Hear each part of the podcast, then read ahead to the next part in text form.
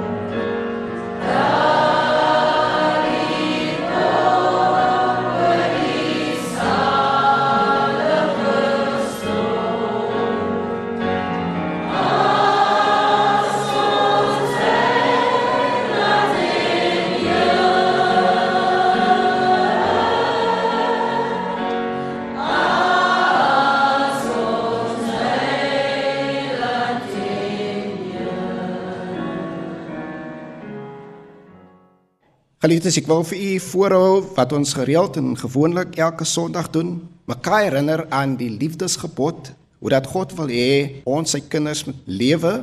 Matteus 22 vanaf vers 34 tot 40.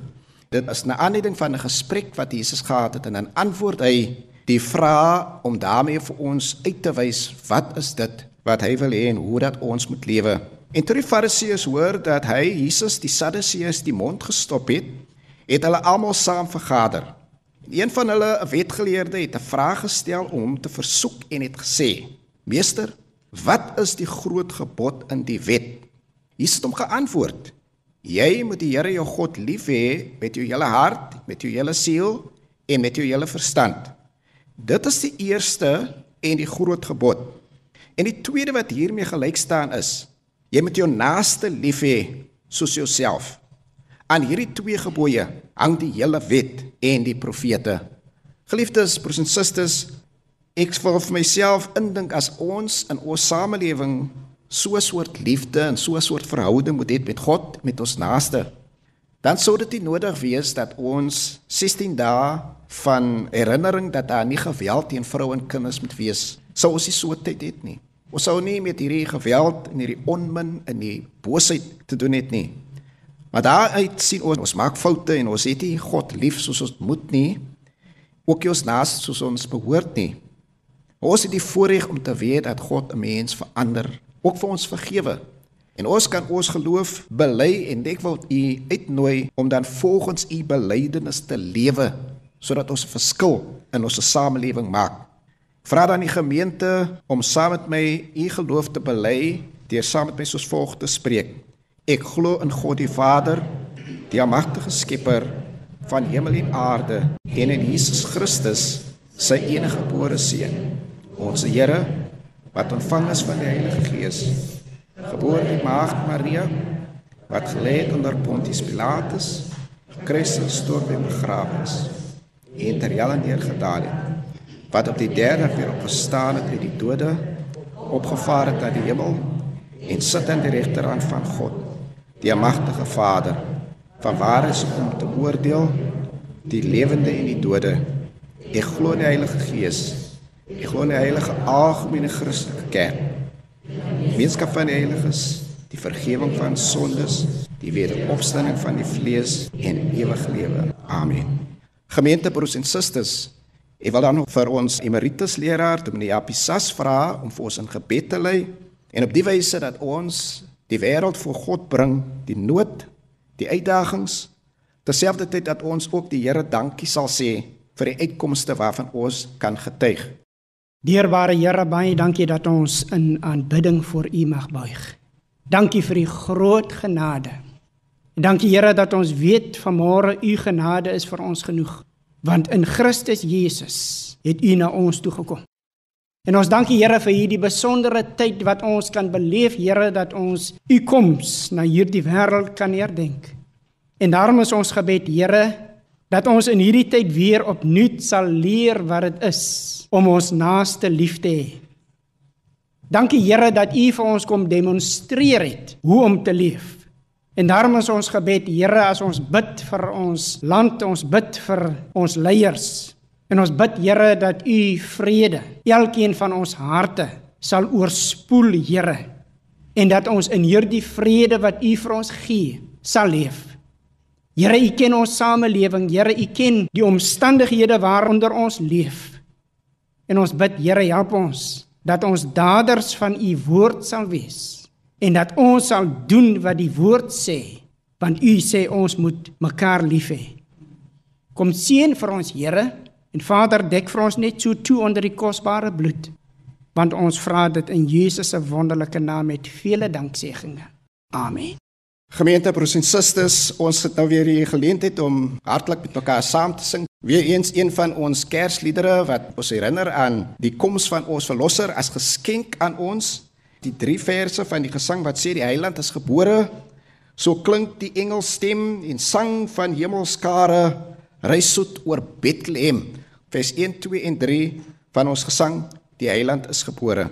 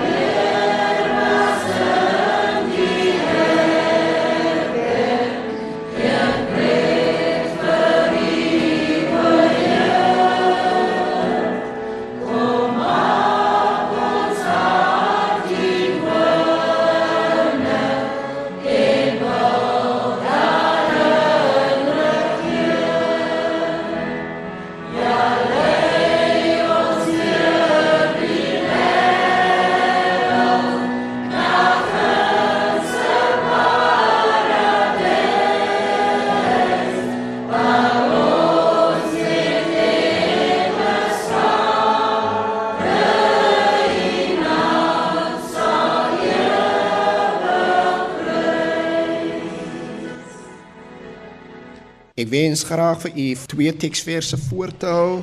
Eerste teksvers of gedeelte dan is uit die Evangelie van Lukas, Lukas hoofstuk 1 van vers 18 tot 21 en dan net die 11de vers van Romeine hoofstuk 1. Nadat ons die skriflesing gehad het, sal ons dan ook die seën van die Here in gebed daarop vra. Ek lees vir u Matteus hoofstuk 1 vers 18 tot 21. Die woord van die Here is soos volg: Die geboorte van Jesus Christus. Die geboorte van Jesus Christus was dan so toe sy moeder Maria verloof was aan Josef voordat hulle saamgekom het. As sy swanger bevind uit die Heilige Gees.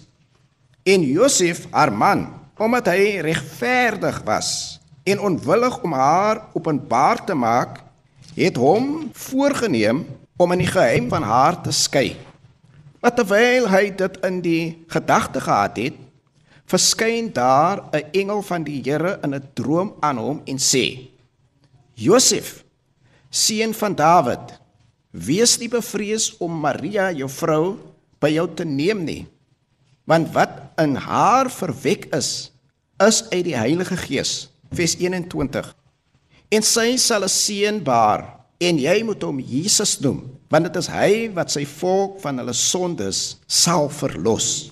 En dan het die 11de vers van Romeine hoofstuk 1 want ek verlang om julle te sien om julle een of ander geestelike genadegawe mee te deel sodat julle versterk kan word. Gemeente, dit is die woord van die Here, geseënd en salig is elkeen wie dit so aangehoor het.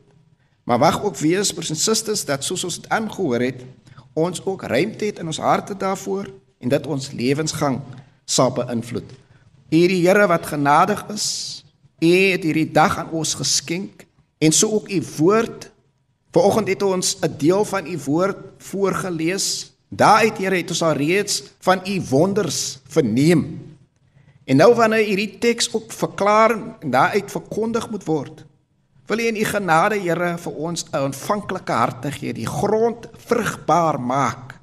Want ons leef in 'n tyd waar diensknegte en diensmagte so nodig is.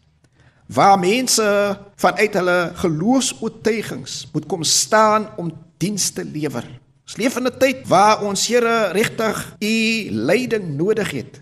Waar ons moet kyk en sien hoe dat die nood vir ons afspeel En dan kom plaas u ons in sulke omstandighede. Wil u dan gee dat hierdie woord vir oggend 'n opwekking, 'n oproep sal wees tot ons u kerk en kinders om onsself aan te bied en so 'n verskil te maak. Dankie dat ons dit by die Here kan vra. Wie daartoe in staat is om mense se lewensgang so te rig dat dit tot ewige betekenis sal wees. Ons eer u en ons bid dan nou vir u guns op hierdie diens. Amen. Geliefdes broers en susters, ek herhaal twee teksverse. Die 21ste vers van Matteus 1. Bybel sê en sy sal 'n seun baar en jy moet hom Jesus noem, want dit is hy wat sy volk van hulle sondes sal verlos. Dan sê Paulus in die skrywe aan die Romeine, want ek verlang om julle te sien om julle een of ander geestelike genadegawe mee te deel sodat julle versterk kan word. Geliefdes, as ek 'n tema vir die boodskap vanoggend moet gee, dan is dit iets soos moontlik dit. Ons is 'n geskenk vir mekaar. Broers en susters, wanneer 'n mens iets ontvang soos 'n geskenk, dan is dit mos juis wanneer dit uit die opregtheid van die hart van 'n persoon is, dan maak dit nie saak wat die prys gekos het nie, hoe klein of hoe groot, maar die regte geskenk uit die opregtheid van 'n persoon se hart bring blydskap en vreugde en het 'n positiewe uitwerking en kan dan benut word. Paulus maak homself hier sy hart oop en verklaar homself om 'n geskenk te wees vir die geliefdes in die dorp Rome of die gemeente dan daar. Die motief agter sy arbeid en die opoffering word in 'n mate hier tentoongestel. Wanneer hy aan die gemeente in Rome broers en susters dink en hy graag vir hulle daardie geskenk wil wees, dan sê dit ook vir hulle. Hy sê vir hulle, ek dink onophoudelik aan julle want ek wens om by julle uit te kom sodat ek vir julle iets kan beteken. Sy harte wens is dan om daar in daardie gemeente 'n verskil te maak deur sy gawes wat God aan hom gegee het vir hulle aan te bied broers en susters. Belangrik dan, nie om gesien te word nie, nie om hulle komplimente te wil ontvang nie, nie om guns en aansien te wen nie, nie broers en susters om betaling of voordele te kry uit wat hy vir hulle doen of gaan doen of sal doen nie. Nee broers en susters, Paulus sê in daardie hoofstuk, ek wil myself gee as geskenk omdat dit deel van my aanbidding is. Dis my manier om vir God te eer, om vir hom wys my dank en my waardering vir die gawe wat hy my gegee het en dit in te werk in die lewe van ander. Hy wens dat die ontvangers van sy gawes versterk sal word. Sy wens is dat hulle gevoed sal word daar waar daar 'n hongerte of 'n leemte was. 'n Antwoord sal wees op gebed of op 'n vraag op op 'n verlange. Hy wens wat iemand sal leer 'n stukkie van God se liefde. Hy wens dat sy teenwoordigheid, sy gawe gee, 'n verskil sal maak. Iemand sal dit dink, maar waarlik, hoe kry hy dit reg? Dit moet dan net vanuit God se hart kom.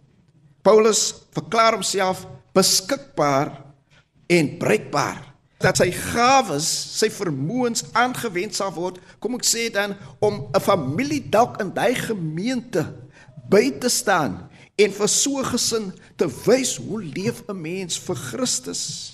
Miskien die manier hoe hy sou konflik hanteer vir mense in daai gemeente sal leer, maar daar's 'n ander alternatief om vrede te bewerkstellig. Dink Paulus sou kon sê ek wens dat God my sal gebruik sodat my lewenstyl tot voordeel van iemand in daai gemeente sal wees wat moontlik met 'n stryd besig is en 'n uitkoms nodig het. Die uitdaging waar ons hierdie jaar by sit broers en susters, ons weet dat baie mense se werksure was so ingekort dat die inkomste per week of per maand so min was ons het basies net oorleef. Ons huishoudings is aan die sukkel. Die uitgawes is daar en die inkomste het verminder. Ons het 'n uitdaging. Ons is in 'n tyd van tekort en die armoede is aan die groei. Ek het goeie nuus vir oggend broers en susters. Die duurste geskenke is nie noodwendig altyd die beste geskenke nie. As ons geskenke kan gee wat nie noodwendig geld kos nie, beteken dit ons almal kan eintlik vir iemand 'n geskenk gee. 'n geskenk wees. Kan iets vir iemand beteken, broers en susters. Elkeen van ons kan bydra tot die waarde van 'n geliefde, 'n vriend, 'n werkskollega, 'n klasmaat, 'n saamloper se lewe, broers en susters. Elkeen van ons broers en susters kan 'n woord van lewe spreek. Dit kan 'n geskenk wees. 'n bemoediging. Daar is die moontlikheid dat ons dinge kan verander deur ons lewe en ons lewenstyl as geskenk te gee vir hulle rondom ons. Daar is die moontlikheid daarom dat geweld gestaak gaan word as ek vrede gee. Daar is die moontlikheid dat ons 'n ander se samelewing gaan hê as mense hulle self geag en beskou as 'n gawe vir die medemens om so veiligheid te bewerkstellig. Daar is die moontlikheid dat ons die wêreld rondom ons kan verander deur hierdie persoonlike geskenk te wees. En daarom wil ek vir u sê ons kan in die tyd van lockdown of grendeltyd, tyd van behoefte kan ons dalk miskien 'n groter verandering effek hê as wat ons kon dink. 'n Wêreld verander vir iemand. 'n Wêreld waar daar vloek was kan verander sodat mense seëninge uit ons mond en uit ons hand sal ontvang. 'n wêreld wat veranderd is sodat kinders by die gate van slange kan rustig speel. Ons kan 'n verskil maak broers en susters as ons onsself aanbied sodat ons 'n wêreld sal skep waar daar vrede en liefde is en waar vrede en liefde mekaar omhels. Ons kan 'n wêreld skep, broers en susters, waar ons nie hoef meer sopkombuise te hê nie, maar ons het hulle naby aan ons word gehelp sodat die wees en die weduwee sal agterkom, maar God het 'n geskenk hier naby my kom plaas. Ons broers en susters kan onsself aanbied as geskenk. God het sy hart bekend gemaak en die engel sê dit aan Josef. En sy sal 'n seun baar en jy moet hom Jesus noem, want dit is hy wat sy volk van hulle sondes sal verlos. Hoor jy wat hy sê? Die Bybel sê God bied die geskenk aan wat verlossing bring, wat 'n verskil in mense se lewens maak, wat mense verander, vernuwe, wat mense transformeer. Broers en susters, dalk is dit weer nodig dat ons vir die Here moet kom sê, verlos vir my van dit wat my bind en terughou bewerkstellig hierdie profetiese woord in my lewe dat dit waar sal wees dat ek as 'n verloste, vrygemaak, vrygekoop susters. Miskien is dit nodig dat ons as 'n gemeente ons opnuut moet kom aanmeld by die Here en sê as U dan gekom het om ons te verlos, gaan voort in my lewe en maak vir my breekbaar. Paulus se woorde in vers 11 van Romeine 1, hy sê Ek verlang om vir julle te sien sodat ek die gawe wat God aan my gegee het aan julle kan bekend maak sodat julle daardie versterk kan word, beïnvloed kan word, gehelp kan word, dat daar 'n breking kan wees in die droogte wat iemand beleef. God is die gewer van goeie gawes. En hy het sy seun gegee as bewys daarvan.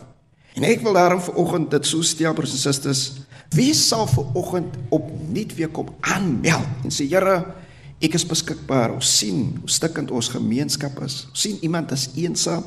Bewerk in my lewe hierdie gawe sodat ek 'n verskil daar kan maak waar dit so nodig is.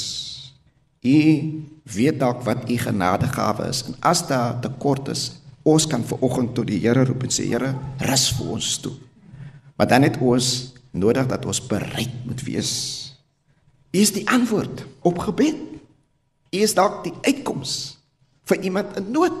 Kom ons sien onsself as die verskil. Dalk is dit u wat iemand se lewensgang moet verander. Maar dan moet ons bereid wees. Die verlosser is vir ons gebore.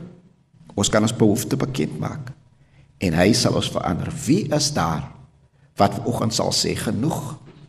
Waar ek nou gesit het. Ek moet opstaan en iets doen. Ek is die geskenk vir iemand in die tyd. God seën sy woord. Amen. Dankie Here vir die woord wat U aan ons gebring het. Vir Paulus se voorbeeld van diensbaarheid en sy begeerte om nog meer te doen sodat iemand se lewe verryk, verander, versterk kon wees. Vergewe ons waar ons Here meer aan ons persoonlike dinge dink, persoonlike program. Vergewe ons Here waar ons 'n gees van selfsugtigheid miskien laat vir ons oorval het of ongeloof. Maar wil U vir ons vanoggend daardie bruikbare instrument maak sodat nog iemand vir U gewen kan word. Ons Here is U geskenk aan die wêreld. Ons verklaar onsself vanoggend bereid om te gaan en dit so te wees. Amen. Kom ons sing hartlik die drie verse van hierdie gesang. Joy to the world. The Lord is come.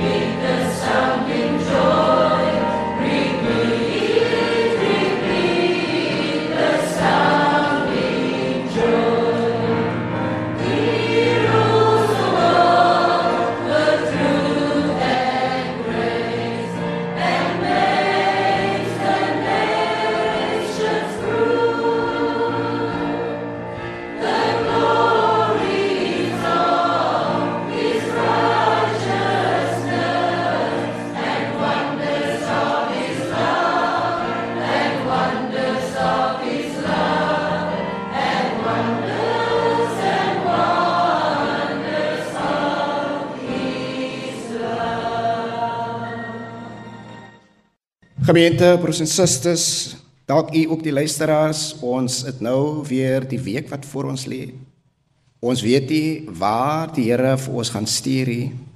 Maar wat ek reken broers en susters dat ons 'n verskil kan maak. Kom ons wees dan geskenk wat iemand se hart sal verpleis, omstandigheid sal verander. Ons breek met ons eie gebruik en gewoontes van terughou en ons wees daardie wonderlike geskenk. Ontvang nou die seën van die Here en kom ons gaan dan van hier in vrede broers en susters. Die Here sal u seën en u behoed.